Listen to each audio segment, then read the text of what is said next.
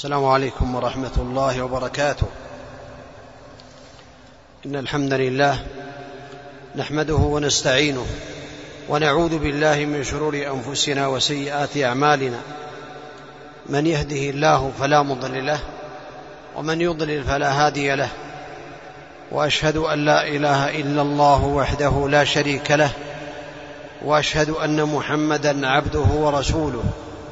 صلى الله عليه وعلى آله وأصحابه وسلم تسليما كثيرا. أما بعد أيها الإخوة لا شك أن المؤمن هو الذي يعنى بما يصحح عباداته وبما يفقهه في دينه. ومن هذه الأمور التي ينبغي للمسلم أن يعنى بها التفقه في الصيام وأحكام الصيام وآداب الصيام وغير ذلك مما يجب سواء كان من الواجبات أو من المستحبات ومما يعين المسلم على ذلك كتاب الله تعالى وسنة نبيه عليه الصلاة والسلام ومن سنة النبي عليه الصلاة والسلام أحاديث كثيرة جاءت في فضل الصيام منها الأحاديث التي ذكرها الإمام عبد الغني ابن عبد الواحد المقدسي رحمه الله تعالى. وهذه الأحاديث اشترط فيها رحمه الله تعالى أن تكون مما اتفق عليه البخاري ومسلم في الصحيحين. وإن حصل فيها بعض الشيء أو بعض الأفراد المسلم أو أفراد البخاري لكن جملة ذلك أنه رحمه الله تعالى أراد أن يبين الأحكام التي اشتملت عليها الأحاديث المتفق على صحتها عن النبي عليه الصلاة والسلام في الصحيحين. وقبل أن نبدأ في الكتاب يحسن ويجمل أن نعرض لشيء من خصائص شهر رمضان.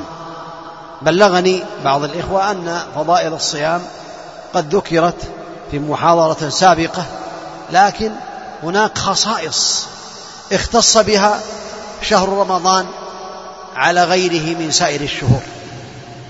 من هذه الخصائص أن الله تعالى أنزل القرآن في هذا الشهر العظيم. شهر رمضان الذي أنزل فيه القرآن هدى للناس وبينات من الهدى والفرقان.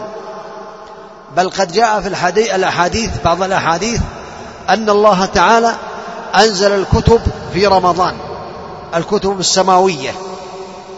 ومن هذه الخصائص التي تختص بشهر رمضان أن النبي عليه الصلاة والسلام بين أنه إذا دخل رمضان فتحت أبواب الجنة فلم يغلق منها باب.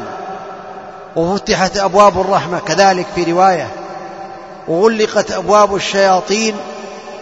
وغلقت أبواب النار فلم يفتح منها باب.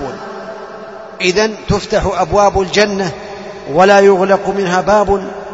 وتغلق أبواب النار ولا يفتح منها باب.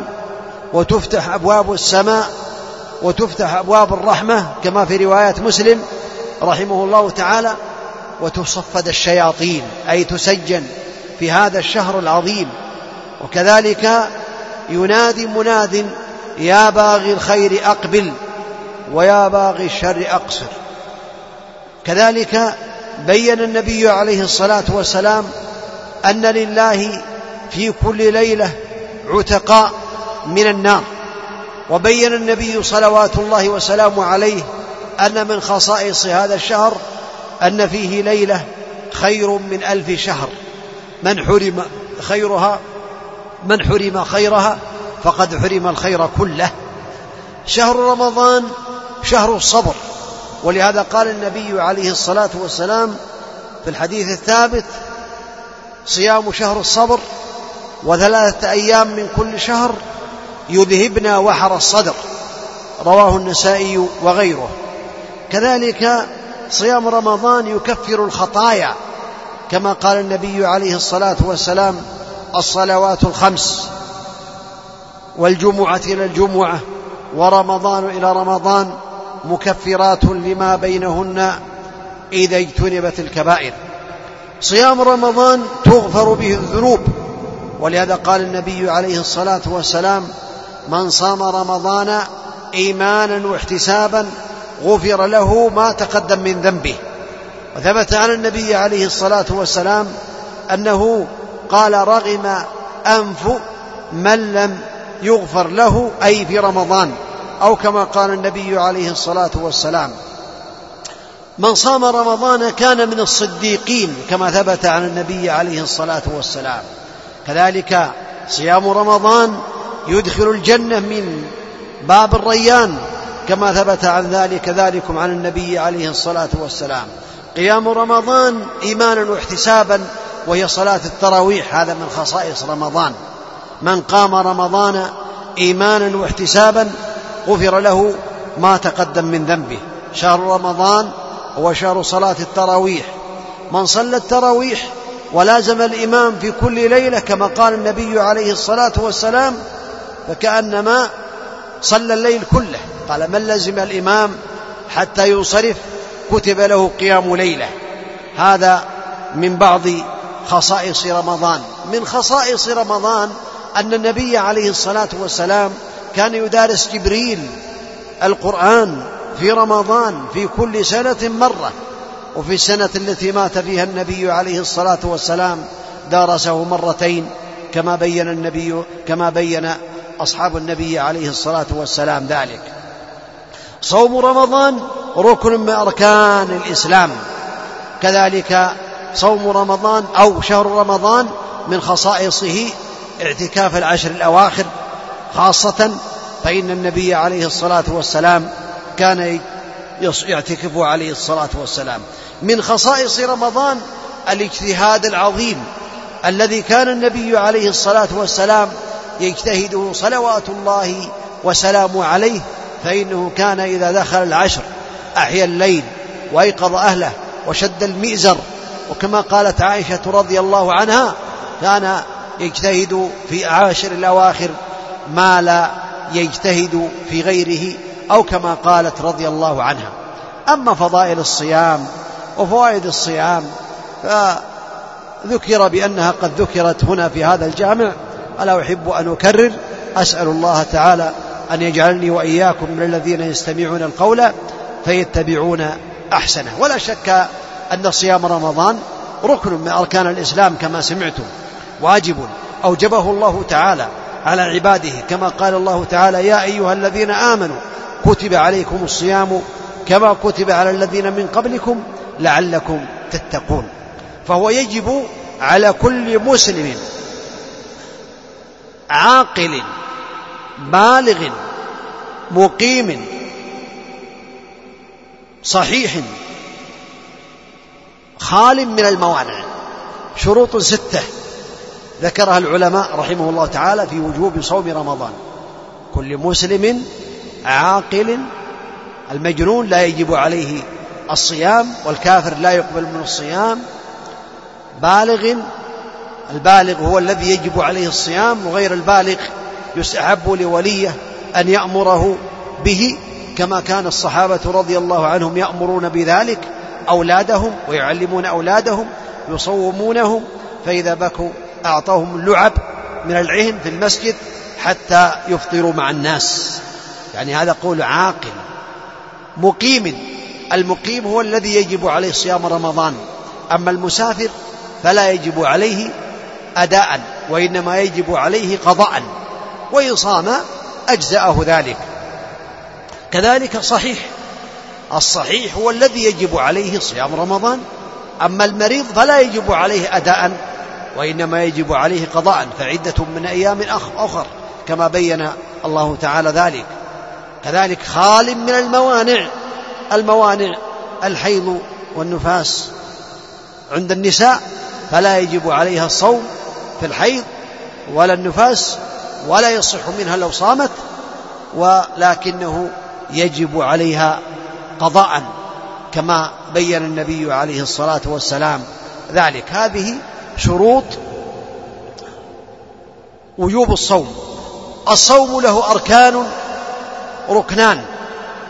الركن الأول النية إنما الأعمال بالنيات والركن الثاني هو الإمساك عن جميع المفطرات من طلوع الفجر الثاني إلى غروب الشمس. فينبغي للمسلم أن يعلم الأركان ويعلم الشروط ويعلم المستحبات حتى يستفيد من هذا الشهر العظيم ولعله يأتي بعض ما لم يذكر في شرح الأحاديث بإيجاز. وهذه الأحاديث تقريبا واحد وثلاثين حديثا وشرحها يطول لكني في هذه في هذا الوقت القصير أقتصر على فوائد قليلة حتى لا نطيل حتى نختصر الوقت جميعا. أسأل الله أن ينفعنا بما نسمع. إنه على كل شيء قدير. سم. بسم الله الرحمن الرحيم. الحمد لله رب العالمين. والصلاة والسلام على أشرف الأنبياء المرسلين اللهم اغفر لنا ولشيخنا والحاضرين. قال المصنف رحمه الله تعالى كتاب الصيام. عن أبي هريرة رضي الله عنه قال قال رسول الله صلى الله عليه وسلم لا تقدموا رمضان بصوم يوم ولا يومين إلا رجل كان يصوم صوما فليصمه. وعن عبد الله بن عمر رضي الله عنهما قال الصيام كما ذكر العلماء هو الإمساك في اللغة الإمساك وفي الاصطلاح هو إمساك بنية أي تعبد لله تعالى بنية عن الطعام عن الأكل والشرب وسائر المفطرات أي جميع المفطرات من طلوع الفجر إلى غروب الشمس من شخص مخصوص بشروط مخصوصة كما تقدم. هذا هو الصيام لغة وشرعا. وقول النبي عليه الصلاة والسلام في هذا الحديث لا تقدموا رمضان بصوم يوم ولا يومين إلا رجل كان يصوم صوما فليصومه. هذا الحديث فيه فوائد. من هذه الفوائد النهي عن تقدم رمضان بصوم يوم أو يومين من باب الاحتياط لرمضان. يقول أنا أصوم يوم الثلاثين أو يوم التاسع والعشرين والثلاثين حتى لا يفوتني شيء من رمضان. هذا نهى النبي عليه الصلاة والسلام عن ذلك. بل بين عمار رضي الله عنه بن ياسر أنه من صام اليوم الذي يشك فيه الناس فقد عصى أبا القاسم صلى الله عليه وسلم. بل ثبت في حديث آخر أن النبي عليه الصلاة والسلام قال إذا انتصف شعبان فلا تصوموا. وهذا الحديث يحتاج إلى تأويل. إذا بلغ شعبان النصف فلا يصوم الناس شيئا من شعبان. لكن ذكر العلماء أن هذا في من لم يصم من أول الشهر شيئا. أما من صام من أول الشهر يوما أو يومين أو أكثر من ذلك فإنه يجوز له أن يصوم بعد منتصف الشهر.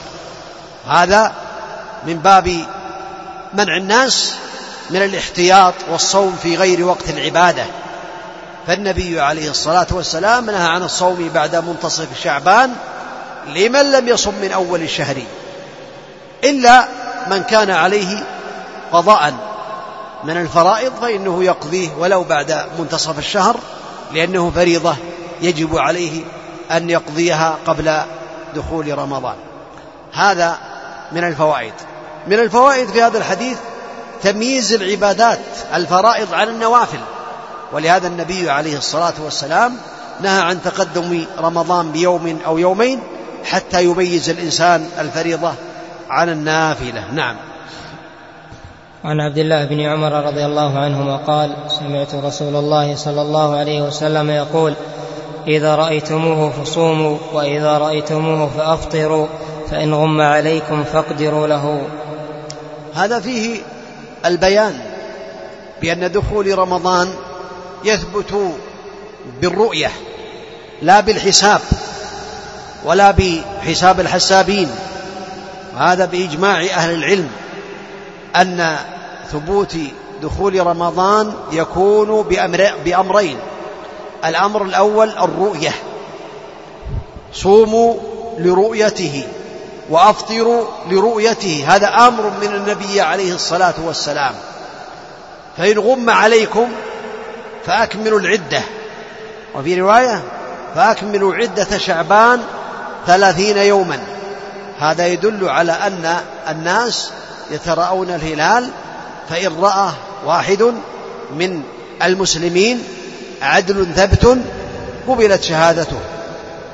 وإن لم يرى الهلال فإن الناس يتمون شعبان ثلاثين يوما كما ثبت عن النبي عليه الصلاة والسلام في رواية لهذا الحديث فإن غم عليكم فاقدروا له. وهذا الحديث فيه فوائد منها أن الصيام معلق بالرؤية برؤية الناس. أو بعضهم للهلال. ومنها إفطار الناس كذلك معلق بالرؤية وأفطروا لرؤيته. ومن هذه الفوائد إذا لم يرى الهلال في أول في آخر شعبان فإنه يكمل شعبان ثلاثين يوما. ومنها أنه إذا إن لم يرى الهلال في آخر رمضان فإنه يكمل يعني في ليلة الثلاثين من رمضان فإن رمضان يكمل ثلاثين يوما. فإن غم عليكم فأكملوا العدة. ثلاثين. هذا في شعبان ورمضان كذلك. هذا من البيان الذي بينه النبي صلوات الله وسلامه عليه. نعم. عن أنس بن مالك رضي الله عنه قال قال رسول الله صلى الله عليه وسلم تسحروا فإن في السحور بركة. هذا الحديث فيه البيان من النبي عليه الصلاة والسلام أن في السحور بركة وبركة السحور لأمور. الأمر الأول في هذه البركة أنه مخالفة لليهود والنصارى أهل الكتاب كما قال النبي عليه الصلاة والسلام تسحروا فإن اليهود أو أهل الكتاب لا يتسحرون أو قال الفرق ما بيننا أو فصل ما بيننا وبين أهل الكتاب أكلة السحور أو كما قال النبي عليه الصلاة والسلام. ومن بركة السحور كذلك أن الله وملائكته يصلون على المتسحرين كما ثبت ذلكم عن النبي عليه الصلاة والسلام. ومن بركة السحور أنه امتثال لأمر النبي عليه الصلاة والسلام. قال تسحروا فإن من امتثل أمر النبي عليه الصلاة والسلام فقد قام بالقيام بما يحبه الله ويحبه النبي عليه الصلاة والسلام فتحصل له البركة. ومن بركة السحور كذلك أن المسلم يتقوى به على طاعة الله. يتقوى بهذا السحور على طاعة الله. ومن بركة السحور أنه إذا تسحر فإن هذا السحور عبادة لله طاعة للنبي عليه الصلاة والسلام. ومن بركة السحور أنه يعين المسلم على الاستيقاظ في آخر الليل في الوقت الذي ينزل الله تعالى فيه إلى السماء الدنيا. فيقول من يدعوني فأستجيب له من يسألني فأعطيه من يستغفرني فأغفر له. ومن بركة السحور أنه يعين المسلم على حضور صلاة الجماعة مع المسلمين. وهذا من الأداب فإن الصيام له أداب. أول هذه الأداب السحور كما بينه النبي عليه الصلاة والسلام. فهو سنة مؤكدة. ولو أن يشرب الإنسان شربة ماء ولو أن يأكل تمرات ومن الأداب كذلك تأخير السحور يكون أفضل. فإن تأخير السحور إلى قبيل الفجر من السنن.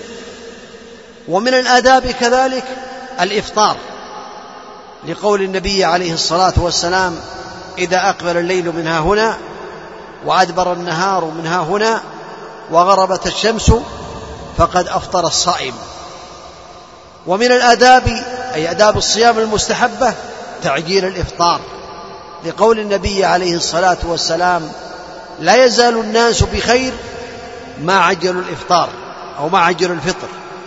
والمقصود إذا تحقق غروب الشمس هذا إذا كان في البرية وكان في الصحراء أما إذا كان في المدينة ولا يرى شيئا فإنه يعتمد على أذان المؤذن الثقة على المؤذنين لأنه لا يرى هذا فعليه ألا يعجل حتى تغرب الشمس كما بين النبي عليه الصلاة والسلام. ومن الآداب الإفطار على رطبات. فإن عدم فعلى تمرات. فإن عدم ذلك حسى حسوات من ماء أي شرب شربة من ماء أو ما يقوم مقام ذلك. ومن الآداب الدعاء عند الفطر لقول النبي عليه الصلاة والسلام ثلاثة لا ترد دعوتهم الإمام العادل والصائم حتى يفطر وفي رواية حين يفطر ودعوة المظلوم الحديث. ومن آداب الصيام تفطير الصائمين فإن هذا من الآداب العظيمة. ولهذا قال النبي عليه الصلاة والسلام من فطر صائما كان له مثل أجره من غير أن ينقص من أجر الصائم شيئا. هذا من فضائل ومن الآداب التي ينبغي للمسلم أن يعنى بها. ومن الآداب كذلك ترك الوصال ويأتي في آخر الباب. ومن الآداب كثرة القراءة والذكر والدعاء. ومن الآداب المستحبة استحضار نعمة الله تعالى وأن هذا الصيام أنعم الله تعالى به عليك يا عبد الله. قد حرمه كثير من الناس إما بالموت العاجل وإما بالمعاصي والسيئات وإما بالكفر وإما بالمرض وإما بغير ذلك. فاستحضر نعمة الله عليك أن وفقك للصيام. هذا من الآداب ومن الآداب كذلك حفظ الجوارح عن فضول الكلام وفضول النظر وفضول الطعام وفضول المنام فإنه يحفظ هذه الجوارح لأن الجوارح تصوم كما يصوم الإنسان عن الطعام والشراب. ومن الآداب المحافظة على صلاة التراويح. ومن الآداب إذا سبه أحد يقول إني صائم كما أمر النبي صلوات الله وسلامه عليه بذلك. والآداب المستحبة كثيرة لكن هذا منها. والله أعلم. نعم. عن أنس بن مالك عن زيد بن ثابت رضي الله عنهما قال تسحرنا مع رسول الله صلى الله عليه وسلم ثم قام إلى الصلاة. قال أنس قلت لزيد كم كان بين الأذان والسحور؟ قال قدر خمسين آية. وعن عائشة هذا الحديث فيه فوائد. منها فضيلة تأخير السحور إلى قبيل الفجر. فإن النبي عليه الصلاة والسلام كان يتسحر قبيل الفجر. بين الراوي في هذا الحديث أنه كان بين سحوره أي إمساكه عن السحور ودخوله في الصلاة. المعنى وبين الصلاة أي دخوله في الصلاة. مقدار خمسين قراءة خمسين آية. أو مقدار ما يقرأ الرجل خمسين آية. هذا يدل على هذه الفوائد تأخير السحور فضيلته وكذلك فضيلة تعجيل الصلاة. إذا اجتمع الناس فإن ما بين السحور وما بين الدخول في الصلاة مقدار ما يقرأ الرجل خمسين آية. وقد عرف الترتيل عندهم لقول الله تعالى ورتل القرآن ترتيلا. هذا من الفوائد التي اشتمل عليها هذا الحديث. ومن الفوائد وقت الإمساك وهو طلوع الفجر الثاني. كما قال الله تعالى وكلوا واشربوا حتى يتبين لكم الخيط الأبيض من الخيط الأسود من الفجر ثم أتموا الصيام إلى الليل. نعم. عن عائشة وأم سلمة رضي الله عنهما أن رسول الله صلى الله عليه وسلم كان يدركه الفجر وهو جنب من أهله ثم يغتسل ويصوم. وعن أبي هذا الحديث كذلك فيه فوائد.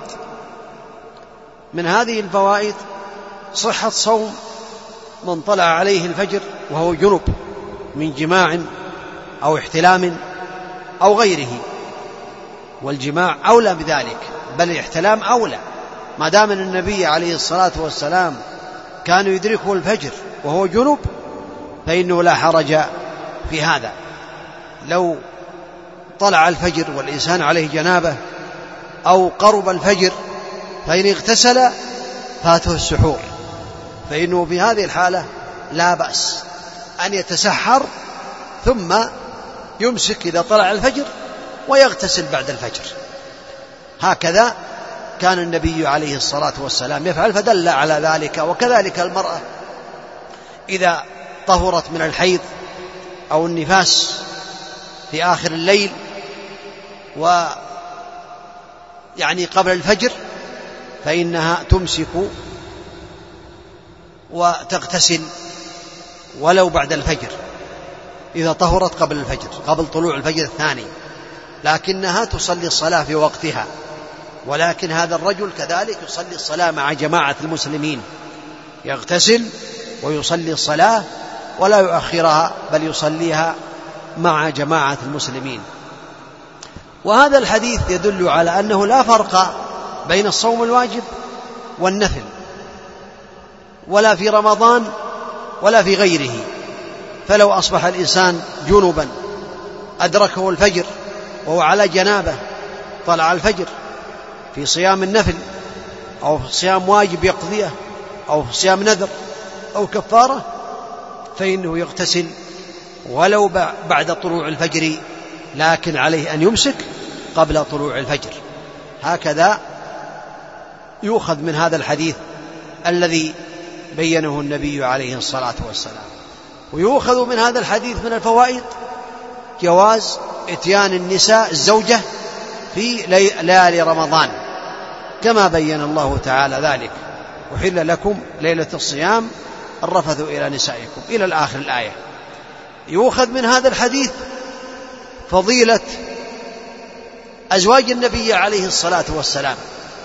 فإنهن نقلن لنا هذا الحكم الذي لا يطلع عليه غيرهن رضي الله عنهن وأرضاهن وهذا يدل على فضلهن وعلى تعليمهن للأمة الأحكام التي استفدناها من النبي صلوات الله وسلامه عليه. نعم. عن أبي هريرة رضي الله عنه عن النبي صلى الله عليه وسلم قال من نسي وهو صائم فأكل أو شرب فليتم صومه فإنما أطعمه الله وسقاه. هذا الحديث كذلك فيه من الفوائد صحة صوم من أكل أو شرب ناسيا وأنه لا إثم عليه وصومه صحيح. اختلف العلماء رحمهم الله تعالى في الجماع. لو نسي إنسان فجامع زوجته يظن بأنه ليس في رمضان ثم تبين له ذلك فإنه منهم من قال لا بد من القضاء والكفارة ومنهم من قال لا قضاء عليه ولا كفارة والصواب في ذلك أنه لا قضاء عليه ولا كفارة. لأن الله قال ربنا لا تؤاخذنا إن نسينا أو أخطأنا. قال الله قد فعلت. وفي بعض الروايات قال الله نعم.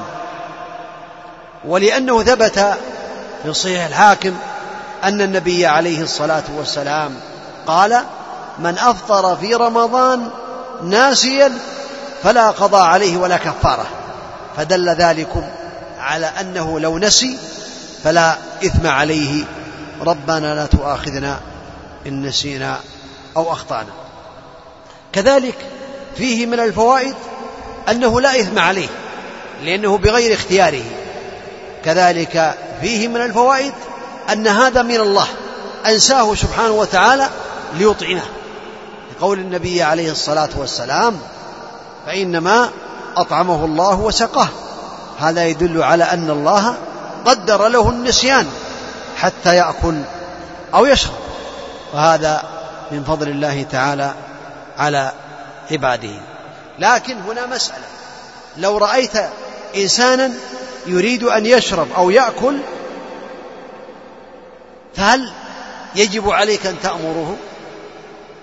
وتحرمه من إطعام الله تعالى إياه أو تسكت حتى يحصل على إطعام الله تعالى وإسقائه. الصواب في ذلك أنه يجب عليك أن تنكر عليه لأن الشرب منكر بالنسبة للمتعمد وأنت إذا رأيته تذكره تقول بأنك صائم تذكره حتى يعني تستفيد أنت لأنك رأيته. يريد أن يفعل ذلك. أما كونك تتركه يشرب أو يأكل تقول لأن الله أطعمه وسقاه لا. من رأى منكم منكرا فليغيره بيده فإن لم يستطع بلسانه فإن لم يستطع بقلبه وذلك أضعف الإيمان كما قال النبي عليه الصلاة والسلام. نعم. عن أبي هريرة رضي الله عنه قال بينما نحن جلوس عند النبي صلى الله عليه وسلم إذ جاءه رجل فقال يا رسول الله هلكت. قال ما لك؟ قال وقعت على امرأتي وأنا صائم. وفي رواية أصبت أهلي في رمضان.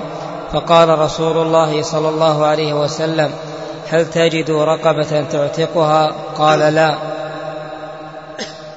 قال فهل تستطيع أن تصوم شهرين متتابعين؟ قال لا. قال فهل تجد إطعام ستين مسكينا؟ قال لا. قال فمكث النبي صلى الله عليه وسلم. فبينا نحن على ذلك أتي النبي صلى الله عليه وسلم بعرق فيه تمر والعرق المكتل. قال أين السائل؟ قال أنا. قال خذ هذا فتصدق به. فقال الرجل على أفقر مني يا رسول الله فوالله ما بين لابتيها يريد الحرتين أهل بيت أفقر من أهل بيتي. فضحك النبي صلى الله عليه وسلم حتى بدت أنيابه ثم قال أطعمه أهلك. هذا الحديث فيه من الفوائد أن الجماع في نهار رمضان فاحشة عظيمة ومهلكة عظيمة وإحراق كما في بعض الروايات يا رسول الله هلكت. في بعضها يا رسول الله احترقت. فهو هلكة وهو فاحشة وهو إحراق لمن فعل هذا وهو جريمة من الجرائم يدل على عدم خوف هذا الإنسان من الله وعلى عدم مراقبته لله تعالى وعلى عدم الرغبة فيما عنده وعلى عدم الخوف الكامل ويدل على عدم ويدل على الأمن من مكر الله تعالى. هذا من الفوائد. من الفوائد أن من جامع زوجته في زوجته في نهار رمضان وجب عليه أمور أربعة. اولا التوبة إلى الله تعالى من هذه الجريمة. وثانيا القضاء لهذا اليوم. لأن في بعض الروايات في غير الصحيحين وصوم يوما مكانه. الأمر الثالث الكفارة المغلظة. أن يصوم شهرين أن يعتق رقبة مؤمنة فإن لم يجد صام شهرين متتابعين فإن عجز أي كان مريضا ولا يستطيع أن يصوم رمضان فإنه ينتقل إلى الإطعام يطعم ستين مسكينا. الأمر الرابع يمسك بقية اليوم الذي عمل هذا المنكر فيه. من الفوائد أن الكفارة تجب عليه إذا جامع زوجته سواء كان قد أنزل أو لم ينزل لأنه يصدق عليه الجماع. من الفوائد حسن خلق النبي عليه الصلاة والسلام. تصور لو بعض الناس من أهل الإيمان والتقوى أتى إليه رجل وقال يا فلان بأنه قد وقع على زوجته في رمضان ما الذي يحصل في الغالب؟ يقشعر جلده ويغضب عليه أنت وقعت على زوجتك في رمضان؟ ألا تخشى الله؟ ألا تخشى عقاب الله؟ ألا تتقي الله؟ أين الإيمان؟ أين المراقبة لله؟ أين الخوف من الله؟ ولكن النبي عليه الصلاة والسلام يعني أخذه بحسن الخلق صلوات الله وسلامه عليه ورد عليه ما في هذا الحديث صلوات الله وسلامه عليه. وفي آخر هذا الحديث حينما أطعم عنه عليه الصلاة والسلام ستين مسكينا بعرق من التمر العرق هو الزنبيل يتسع لخمسة عشر صاعا والإطعام يكون نصف الصاع. فقال أعلى أفقر منا؟ فما بين لابتيها أحد أفقر من أهل بيتي أو كما قال. قال أطعمه أهلك. تبسم عليه الصلاة والسلام قال أطعمه أهلك. هذا يدل على حسن خلق النبي صلوات الله وسلامه عليه. اللهم صل وسلم وبارك عليه. ويدل كذلك أو من الفوائد التي تؤخذ من هذا الحديث أن من جامع في رمضان أيام متعددة فعليه كفارات متعددة لكل يوم. فلو جامع في يوم ثم جامع في اليوم الثاني ولم يكفر ثم جامع في اليوم الثالث وهكذا فعليه لكل يوم كفارة. مثال ذلك رجل جامع في عشرين يوما. من رمضان. وهذا يحصل من حديث الزواج. الذين لا يخافون الله تعالى وإن كان هذا فيه خلاف هدي النبي عليه الصلاة والسلام وخلقه الكريم لكن هو الحقيقة. فهذا عليه عن كل يوم اعتاق رقبة. فإن عجز صيام شهرين متتابعين. يعني عليه عشرون رقبة. فإن عجز فعليه أربعون شهرا. كل شهرين متتابعين. وعليه أن يقضي عشرين يوما. وعليه التوبة قبل ذلك. هذا من ما يؤخذ من معنى هذا الحديث. ولا شك أن المفطرات أنواع. النوع الأول من المفطرات الجماع وتقدم. هذا النوع الأول. النوع الثاني من المفطرات ومفسدات الصيام إنزال المني باختياره. فإذا أنزل المني باختياره باستمناء أو غيره من الأسباب فإنه يكون قد أفسد صومه وأثم وعليه أن يقضي يوما مكانه مع التوبة إلى الله تعالى. النوع الثالث الأكل والشرب. فإذا أكل أو شرب متعمدا غير معذور فإنه قد أبطل صيامه. النوع الرابع ما كان بمعنى الأكل والشرب. وهذا يكون بأمرين. إما بحقن الدم لمن يحتاج إلى ذلك والمريض يفطر لكن لو فرض بأن هناك إنسان يقول أنا لا أفطر ويحتاج إلى إسعاف بالدم فإنه بهذا يفطر بالدم لأنه يقوم مقام الطعام والشراب. الأمر الثاني ما كان بمعنى الطعام والشراب. كالإبر المغذية فإذا ضرب بإبرة مغذية تقوم مقام الطعام والشراب فإنه يفطر بذلك. لكن العلاج بالإبر عن طريق الوريد أو عن طريق الجسم وهو علاج لا من المغذي لا يفطر على الصحيح لأنه ليس بمعنى الطعام والشراب. كذلك النوع الخامس إخراج دم الحجامة. فإن من احتجم في رمضان فقد أفطر كما قال النبي عليه الصلاة والسلام أفطر الحاجم والمحجوم. والمسألة خلافية ولكن هذا هو الصحيح. أما حديث قول النبي عليه الصلاة والسلام الحديث الثابت بأن النبي عليه الصلاة والسلام احتجم وهو صائم محرم. فقال ابن القيم رحمه الله تعالى لا يحتج بهذا الحديث على صحة الصوم لمن احتجم إلا بأربعة أمور. عليه أن يأتي بأربعة أمور أو أربعة, أربعة أدلة ونقبل قوله. أولا يثبت بأن هذا كان بأن هذا الاحتجام كان في الإقامة لا في السفر. وقال ولا سبيل إلى ذلك.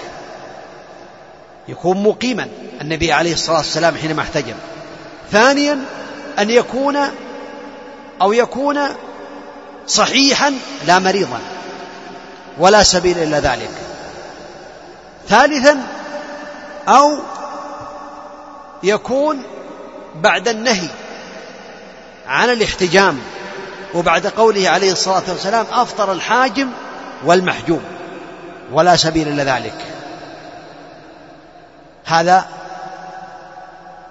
يدل إذا أتى بهذه الأمور الأربعة فإنه بهذا يقبل قوله بهذا الحديث. أما إذا لم يأتي بشيء فإنه لا يقبل ونبقى على أفطر الحاجم المحجوم إذا الصواب أن الحجامة تفطر الصائم أفطر الحاجم المحجوم النوع السادس من المفطرات الاستسقاء. لقول النبي عليه الصلاة والسلام من ذرعه القي فعليه فليس فلا قضاء عليه.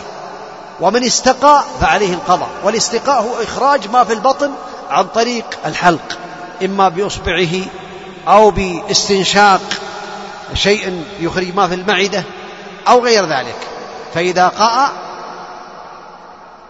فلا قضاء عليه ذرعه غلبة وإذا استقى عصر بطنه أو فعل شيئا يخرج ما في بطنه فإن عليه القضاء كما قال النبي عليه الصلاة والسلام. النوع السادس من المفطرات خروج دم الحيض والنفاس فإذا حصل الحيض للمرأة وهي صائم أو نفست ولدت يعني فإنها تفطر بذلك. النوع الثامن من المفطرات نية الإفطار. مثال ذلك إنسان كان مسافرا ثم أراد الطعام والشراب وذهب يبحث عن الطعام والشراب أو جاء إلى مثلا إناء يريد أن يشرب منه ولم يجد فإنه في هذه الحالة قد أفطر لأنه نوى الإفطار. نوى الإفطار. فإذا نوى الإنسان الإفطار فقد أفطر وعليه أن يقضي هذا اليوم.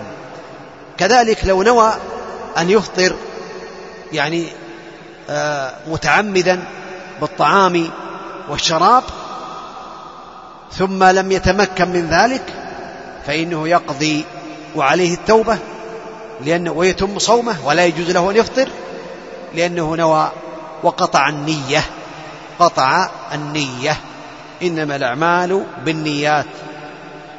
النوع التاسع من المفطرات الردة عن الإسلام والعياذ بالله تعالى. هذه هي المفطرات إجمالا فمن حصل له شيء من ذلك عليه أن يعلم بأن صومه قد فسد وعليه أن يأخذ بما ذكره العلماء في هذه المسألة من العلاج. نعم. باب الصوم في السفر وغيره.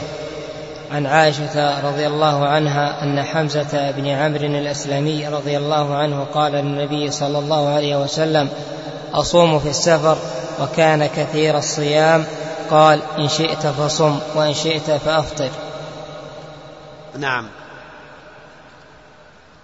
كمل. نعم. وعن أنس بن مالك رضي الله عنه قال كنا نسافر مع النبي صلى الله عليه وسلم فلم يعب الصائم على المفطر ولا المفطر على الصائم.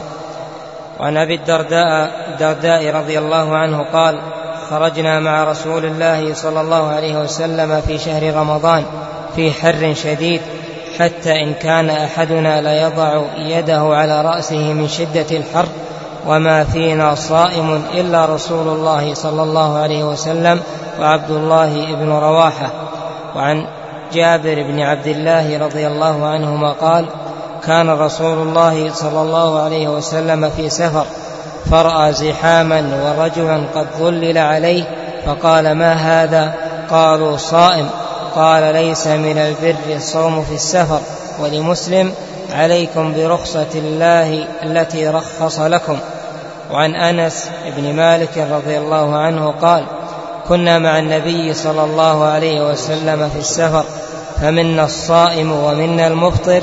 قال فنزلنا منزلا في يوم حار وأكثرنا ظلا صاحب الكساء فمنا من يتقي الشمس بيده.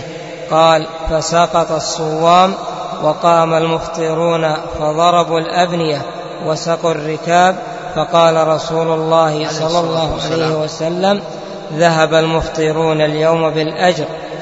هذه الأحاديث في أحكام الصيام في السفر والخلاصة في هذه الأحاديث أن الصيام في السفر على ثلاث حالات. الحالة الأولى أن يشق عليه الصيام مشقة شديدة لا يستطيع تحملها أو يضره الصيام. فيجب عليه في هذه الحالة أن يفطر ويحرم عليه الصوم لقول الله تعالى ولا تقتلوا أنفسكم إن الله كان بكم رحيما. ولقوله عليه الصلاة والسلام في غزوة فتح مكة لمن لم يفطر في الحر الشديد أولئك العصاة. هذه الحالة الأولى. الحالة الثانية أن يشق عليه الصوم مشقة يسيرة محتملة ان يتحملها.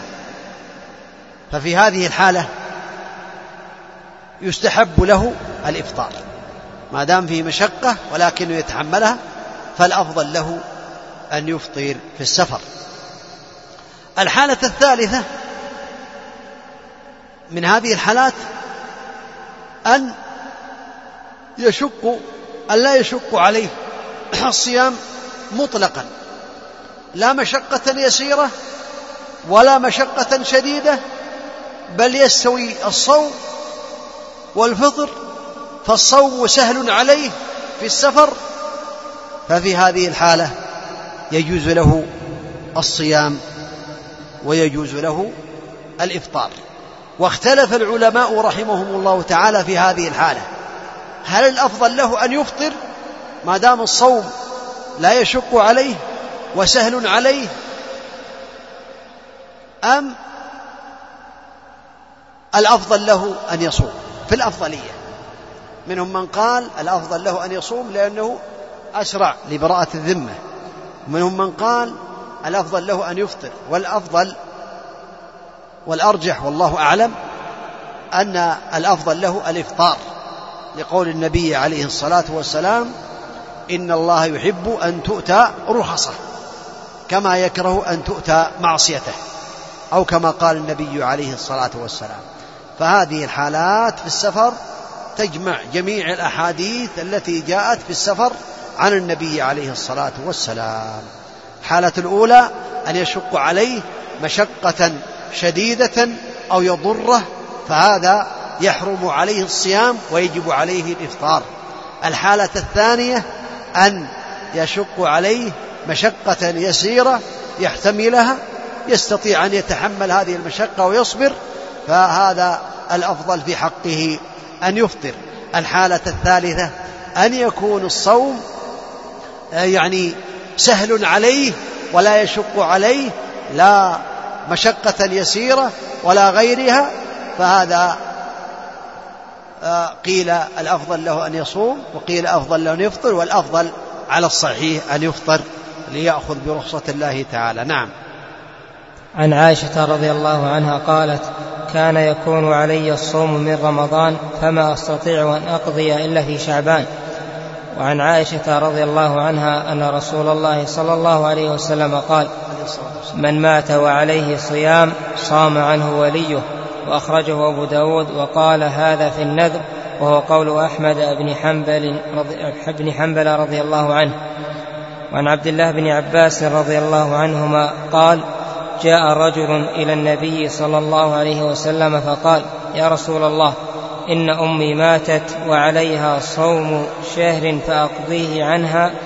فقال لو كان على أمك دين أكنت قاضيه, قاضيه عنها؟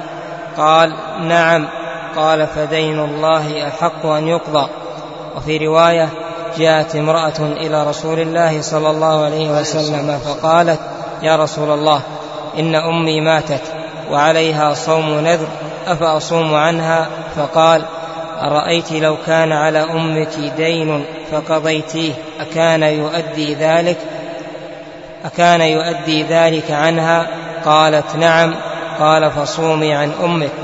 وعن سهل بن سعد الساعدي رضي الله عنه أن رسول الله صلى الله عليه وسلم قال لا يزال الناس بخير ما عجل الفطر هذه الأحاديث الماضية تدل على القضاء والخلاصة في أحكام القضاء أن القضاء للصيام الذي يلزم الإنسان يكون على أنواع.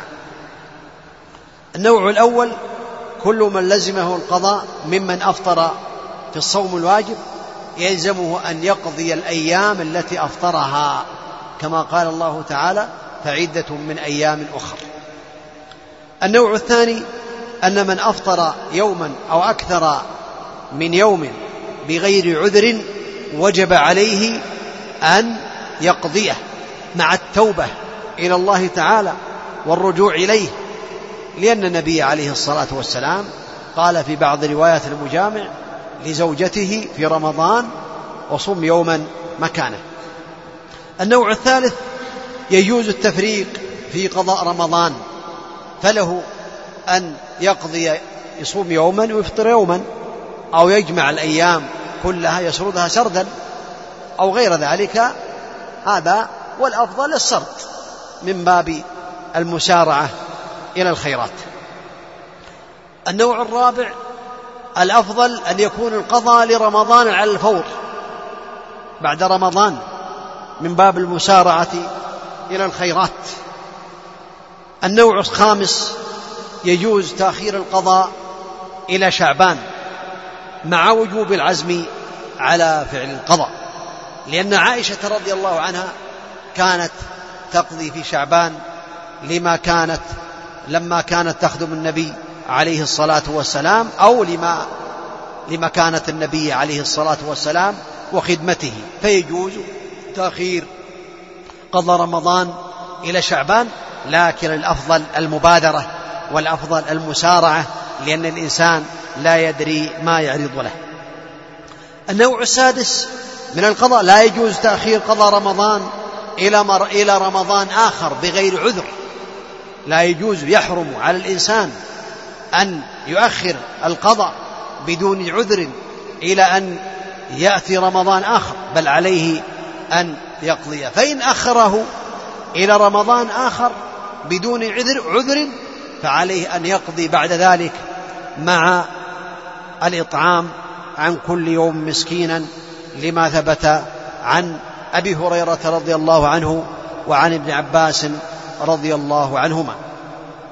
النوع السادس تأخير القضاء إلى رمضان آخر لعذر لا شيء عليه. إنسان مريض مرضا يرجى برؤه ولكنه صام أفطر في رمضان الأول وجاء رمضان الثاني وهو يرجو البر ويقول الدكتور أو الطبيب أنت إن شاء الله ستشفى.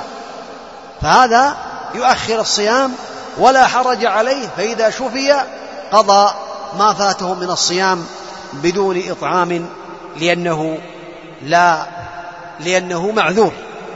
الأمر الثامن قضاء الصيام على الميت. من مات وعليه صيام صام عنه وليه كما قال النبي عليه الصلاة والسلام. النوع التاسع قضاء الفرض قبل صيام التطوع لأن الفرائض أحب إلى الله تعالى من النوافل. فإذا كان عليه أيام من رمضان وأراد أن يصوم الست بعد رمضان فعليه أن يبدأ يبدأ بصيام الفريضة لأنها أحب إلى الله تعالى. النوع العاشر قضى من أكل أو شرب يظنه ليلا فبان نهارا أو يظنه نهارا فبان ليلا. فالصواب في هذه الحالة أنه يقضي. إنسان تسحر يظنه بالليل وبعد قليل وإذا الشمس نظر إلى الأرض وإذا الشمس قد شرقت. أو نظر والناس يخرجون من الصلاة. هذا يقضي على الصحيح. إنسان آخر أفطر في الغيب. يظن بأنه يعني قد غربت الشمس فرأى الشمس. فالصواب من أقوال أهل العلم أنه يقضي لأنه فرط. آه كذلك النوع العاشر قضى من أكل قال الحادي عشر قضى من أكل شاكا في غروب الشمس أو كان أكل شكا شاكا في طلوع الفجر. هذا في تفصيل. من أكل يظنه لم يطلع الفجر واستدام شكه فإن صيامه صحيح لأن الأصل بقاء الليل. ومن أكل يشك في غروب الشمس ودام شكه يعني ما تيقن بأنه فإنه يقضي لأنه كان يجب عليه أن يفطر بعد التأكد من غروب الشمس. كذلك من دخل في قضاء فرض حرم عليه أن يفطر. إنسان أراد أن يقضي رمضان أيام من رمضان فصام يوما ثم أراد أن يفطر في غير رمضان فإنه لا يجوز له أن يفطر إلا بعذر من أعذار من صام رمضان. لأنه دخل في فريضة.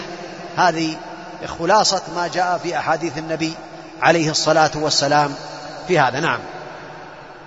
لا نعم. تفضل. نعم.